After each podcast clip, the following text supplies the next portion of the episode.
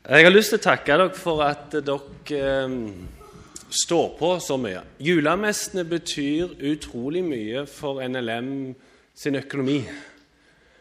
Eh, de to siste månedene av året får vi inn ca. 40% av budsjettet vårt. Så i løpet av november og desember så kommer det inn ca. 40 av 120 millioner kroner. Så det betyr veldig mye, og det er et trosprosjekt når det nærmer seg oktober og vi fortsatt ser at det er mange gaver og mye midler som vi mangler. Men så er det fantastisk å vite at vi har et trofast misjonsfolk som ønsker å stå sammen med oss i arbeidet. For hvis vi ikke hadde vært det, så kunne vi ikke hatt 150 utsendinger ute heller, hvis vi ikke visste at det var noen som står bak, og noen som er med å sende. Og det å få høre Kjetil fortelle Han ivrer for arbeidet. Han opplever at han står i noe meningsfullt. Eh, som dere sikkert hørte, så, så kan ikke Kjetil være så konkret om alt det arbeidet de er med på. For de lever i, et område som er veldig sensitivt. Eh, og det gjør at de òg må være litt forsiktige. Det betyr at eh, naboer rundt de, eh, imamer i, i moskeene, følger med dem. Og derfor så må de òg være litt forsiktige. Så, men vær med og husk på de i bønn. Og vi begynner å be litt sammen, og så ber vi litt for Kjetil og Renate òg. Kjære himmelske Far, vi takker deg for at vi får lov å samles i ditt navn og om ditt ord, Herre. Og takk for at du har gitt oss et oppdrag. Du har eh, bedt oss om å gå ut til alle folkeslag, til hele verden, til jordens ender, Herre, med budskap om at du har kommet, og at du har eh, sona verdens synd.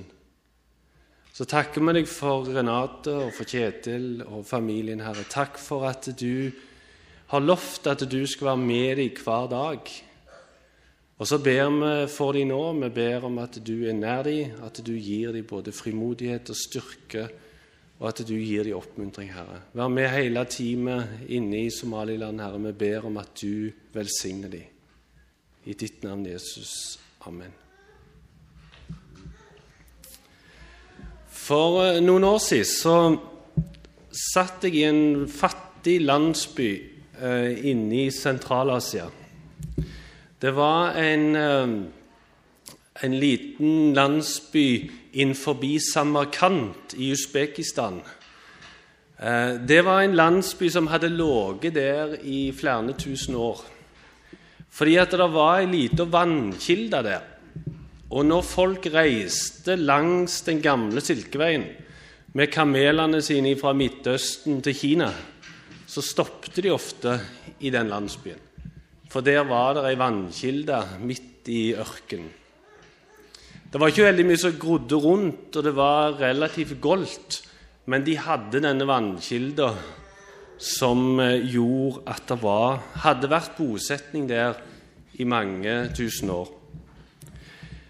De var fortsatt fattige, og vi ble invitert hjem til en bonde på middag. De hadde ei jordhytte som de bodde i. Eh, det var to rom. Eh, det var sånn der at eh, det var mannen som tok imot gjestene. Og det var han som liksom var vår host, eller den som var verten vår. Så vi satte oss inn i det ene rommet sammen med han. Og Der hadde de dekket et langbord som var like langt som det gavebordet her. Og det var helt dekka bordet med nøtter og frukt og eh, sjokolade og masse te og utrolig Hele bordet var dekka med masse fine farger. Og så var det veldig lavt, fordi at vi satt på gulvet. Vi satt på noen sånn matte matter på gulvet der.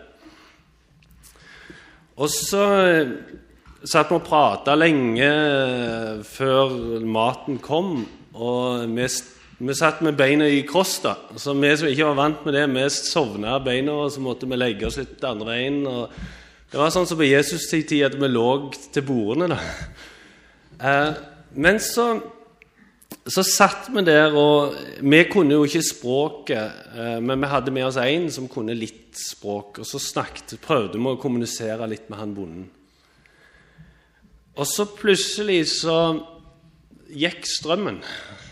Og det var ei lyspære som hang ned i dette rommet her. Og Den ene lyspæra gikk jo svart, og så var det ingen vinduer. Og det var heller ikke noe lys ut forbi. Og det er ikke så ofte i, i Norge at vi opplever at det blir skikkelig svart, for det er alltid, alltid noe lys som lyser. Men der ble det helt svart. Totalt mørkt. Så hørte vi noen uh, små mus og sånn som krøp uh, litt rundt, for det ble helt stille. da. Ingen sa noen ting. Han Verten sa ingenting, og vi sa ingenting. Så vi hørte jo det levde litt rundt der. Og så ble vi sittende, og vi kunne jo ikke mye språk, så det ble en litt sånn rar opplevelse å bare sitte der i mørket og tenke Hva skjer nå? Og så åpner døra seg opp, og så kommer der hun, kona i huset inn med ett lite stearinlys. Og så ble hele stemningen endra. Vi, satt der helt liksom, utrygge, og så plutselig så kommer det lille lyset inn. Og så ble alt endra. Johannesevangeliet Juleevangeliet der står helt i begynnelsen. Der står det i begynnelsen var Ordet, og Ordet var hos Gud, og Ordet var Gud. Han var i begynnelsen hos Gud. Alt er blitt til ved ham, og uten ham er ikke noe blitt til av alt som er blitt til. I ham var liv, og livet var menneskenes lys. Og lyset skinner i mørket, og mørket tok ikke imot det. Når vi satt der, og det lyset kom inn, da tenkte jeg på det verset i Johannes evangeliet. At lyset kom, det at Jesus kom inn i denne verden, var at lyset kom inn i mørket. I en oversettelse så står det og lyset skinner i mørket, men mørket har ikke overvunnet det.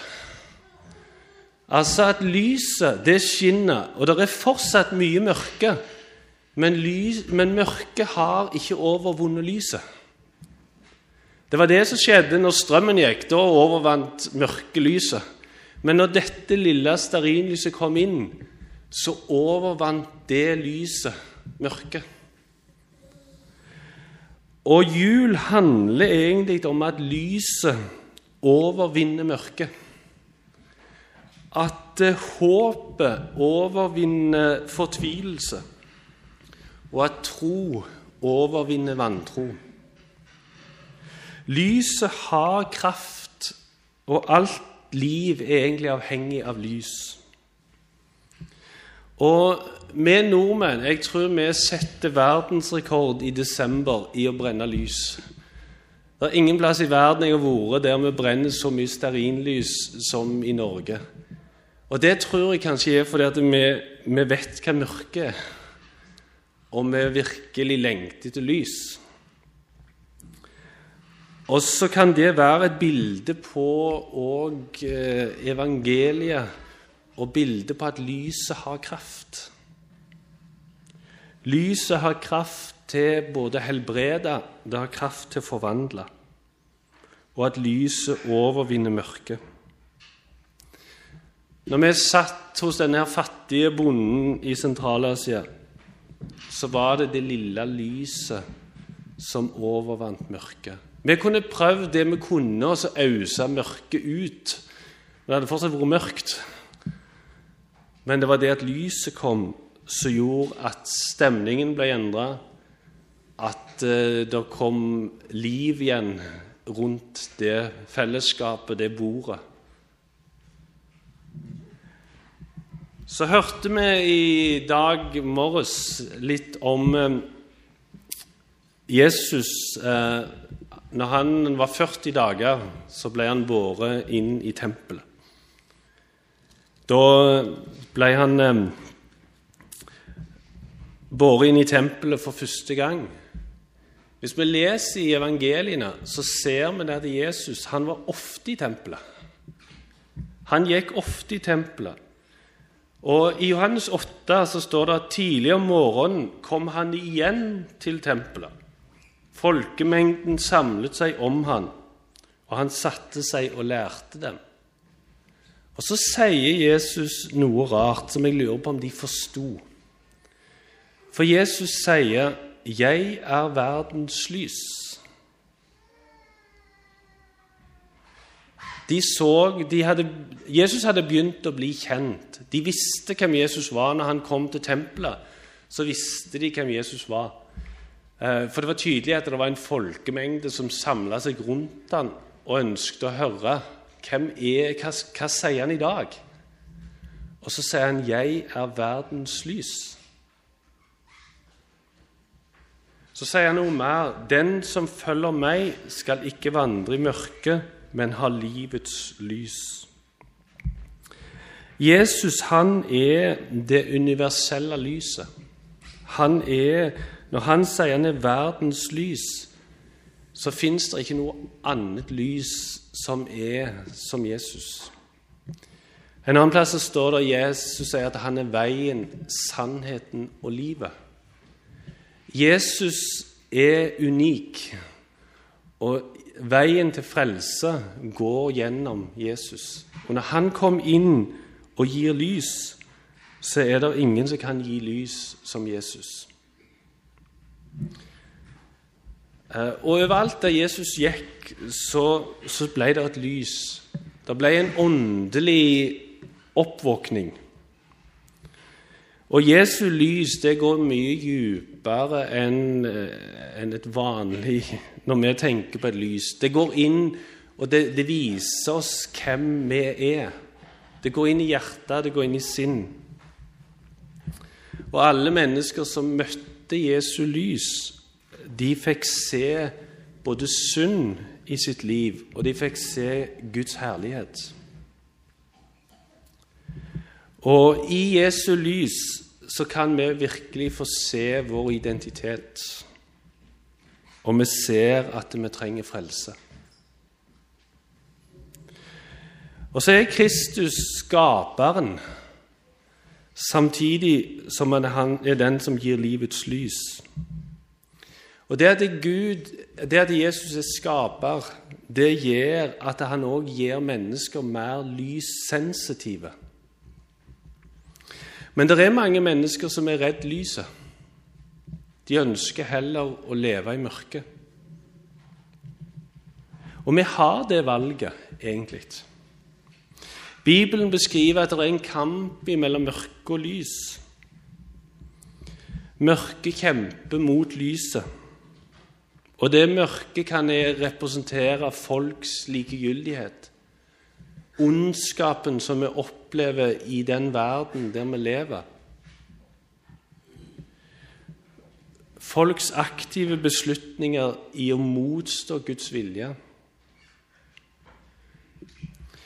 Bibelen sier det at mørket tok ikke imot Jesus. Og Sånn er det òg eh, i vårt land i dag.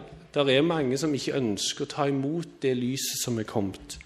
De velger heller å leve i mørket. Jeg husker når jeg, jeg bodde på hybel så syns jeg alltid det var litt sånn eh, krevende når det ble vår.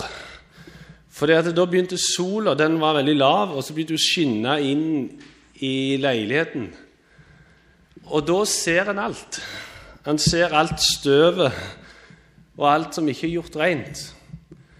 Og På en måte så var det veldig fristende å trekke foran gardinene og så stenge sola ute. Og jeg tror det er mange som egentlig gjør det. De trekker foran gardinene. Men kanskje dette er jul der en skal få lov å la lyset skinne inn i livet. Så skal en oppleve det at eh, når du slipper lyset inn, så vil lyset forvandle. Så vil Gud forvandle i livet ditt. Jesus vil deg bare godt. Jesus vil forandre i livet ditt. Jesus ønsker å gi deg håp.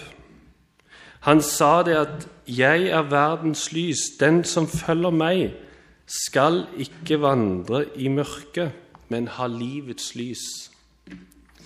Det å vandre er et herlig uttrykk. Det er liksom ikke sånn kav over det. Nå har dere stressa med julemesser og styrt på Men det å få vandre, det er liksom noe som kommer. Og det å få vandre og være i livets lys, det fins ikke noe større enn det i livet. Og så har Gud valgt å reflektere sitt lys gjennom de som følger Han. De som vandrer i lyset, de har Gud valgt å reflektere sitt lys gjennom. Til de som ennå ikke har fått sett lyset. En plass i Bibelen så står det at 'dere er verdens lys'. Jesus sa det til sine disipler. Um, vi hørte nå fra Kjetil fortalte fra Somaliland. De kan ikke bruke de store ordene i det arbeidet de driver. Men de kan få lov å være lys. De kan få lov å la Jesus, som er lyset, skinne gjennom deg, sånn at de får være lys i den tjenesten som de har. Jeg, vi bodde en del år i Kina, og det er litt lignende situasjon. Jeg husker jeg spurte ei lærer som jeg hadde i Kina en gang. Hun var ikke kristen, men så kom vi inn på det å formidle tro. Og så spurte jeg henne hvordan hva tror du er den beste måten å formidle tro på i Kina? Og så husker jeg svaret. Det er ikke det dere sier, men det er hvordan dere lever, var hennes svar. Det er ikke det dere sier, men det er livet dere lever. Så tror jeg ikke det er hele svaret. Men jeg, jeg tror det at vi skal få lov å reflektere Jesu lys som medmennesker i møte med de menneskene vi lever blant. Så lever vi i et, en verden, i et Norge, der det er mange som trenger lys. Så skal vi få lov å være det lyset.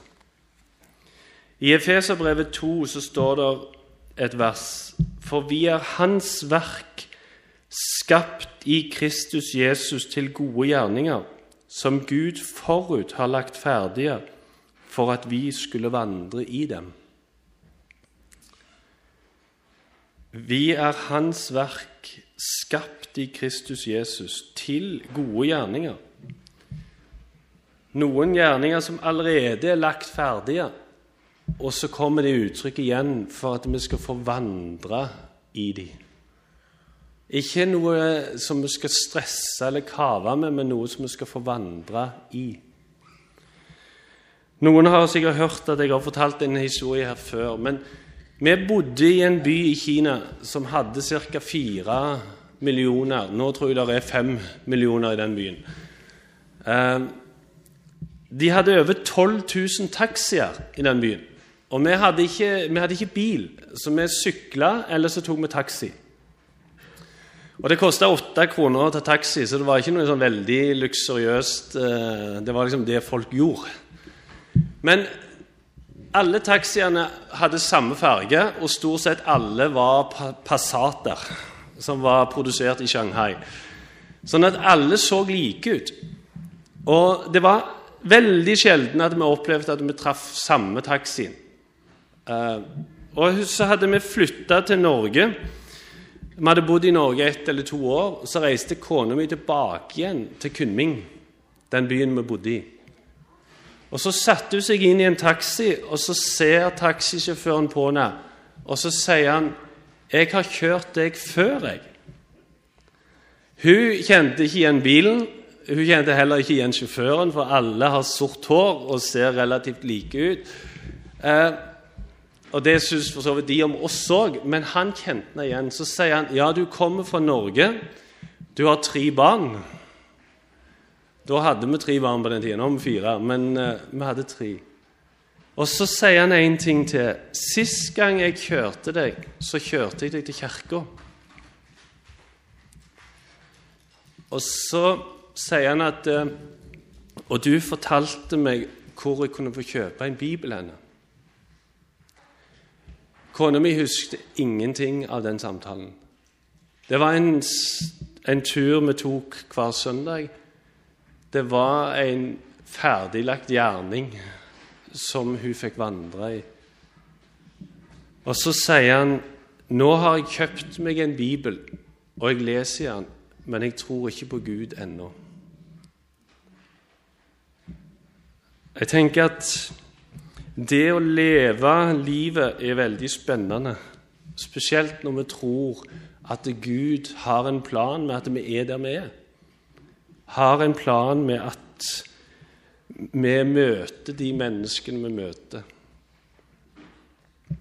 Kristendommen og Jesus gir oss et lys over hele livet. Det forandrer måten vi forstår verden på. Og så er Jesus en kraft og et lys som kan overvinne mørket.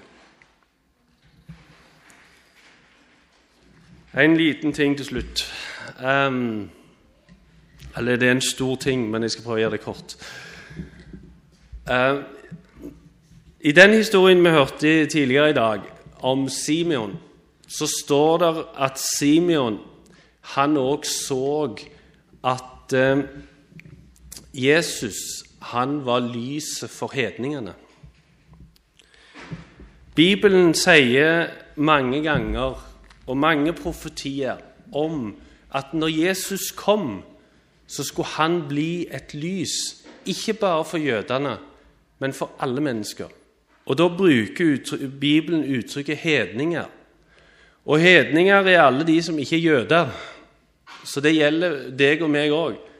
At eh, det uttrykket som brukes Og I Jesaja 49 så står det Det er for lite at du er min tjener til å gjenreise Jakobs stammer og føre den frelste rest av Israel tilbake. Så vil jeg da gjøre deg til et lys for hedningefolkene for at min frelse må nå til jordens ende. For Gud så er det for lite at det bare var Jakobs stamme. Han vil at Jesus skulle være et lys for hedningefolkene, og sånn at hans frelse kunne nå til jordens ende. Vi får lov å være med på et fantastisk oppdrag. Når den første jula var, var, så var det på mange måter veldig spartansk. Det var i en liten stall i Betlehem. Og det var ikke så mange mennesker til stede. Når vi nå går inn i jula og skal feire, så er det millioner, hundrevis av millioner mennesker som kommer til å feire at Jesus kom som verdens lys. Og Så er det fortsatt mange mennesker som ikke har fått en mulighet til å høre om Jesus, til å møte han som verdens lys. Jeg var i Elfenbenskysten tidligere i år, og da var vi helt oppe i nord i eh, Toba-området, der som NLM har drevet arbeid siden 1980. Vi fikk møte noen av de forsamlingene som er i det området. Elfenbenskysten er et land som har opplevd mye uro. De siste ti åra har det vært borgerkrig. Og når vi reiste opp der, så var det fortsatt 10 000 FN-soldater som sto midt i landet for å prøve å skille disse som krigte mot hverandre. Men når vi kom opp der, så hadde vi hatt en dag og reist rundt, og vi begynte å bli slitne. Så kommer der en evangelist som heter Ibrahim. Han hadde et fantastisk levende ansikt. Og så setter han seg foran oss, og så begynte han å fortelle sin historie. Og vi var slitne og holdt på å sovne, for han fortalte og fortalte. Men plutselig så sier han noe som jeg har huska på. Han fortalte det området der han var, der er det nesten ingen kristne. Det er han som evangelist. Han møter mye motstand. Og så sier han det Ofte så kommer de muslimske lederne til meg, og så sier de Du skulle ha vært muslim, du, sånn som din far og din farfar. Du gir skam på de slekt. Og så sier han, da pleier jeg å svare, hadde min far visst det som jeg vet, så hadde han òg vært en kristen. Ibrahim står som et lys midt i mørket. Han har fått møtt det levende lyset. Og så er det mye mørke rundt han. Men så sier han og har en tro på at hvis min far hadde visst det som jeg vet, så hadde han òg fulgt lyset. Skal vi be. Ja, Herre Jesus, vi ber deg om at eh, denne jula kan bli ei jul der vi får se mer av ditt lys, og der vi kan få lov å være lys for andre mennesker rundt oss, Herre. Og så ber vi for Ibrahim, og vi ber for alle de menneskene som i dag rundt omkring i verden vandrer i ditt lys, og som sjøl får lov til å være et vitne om deg. Amen.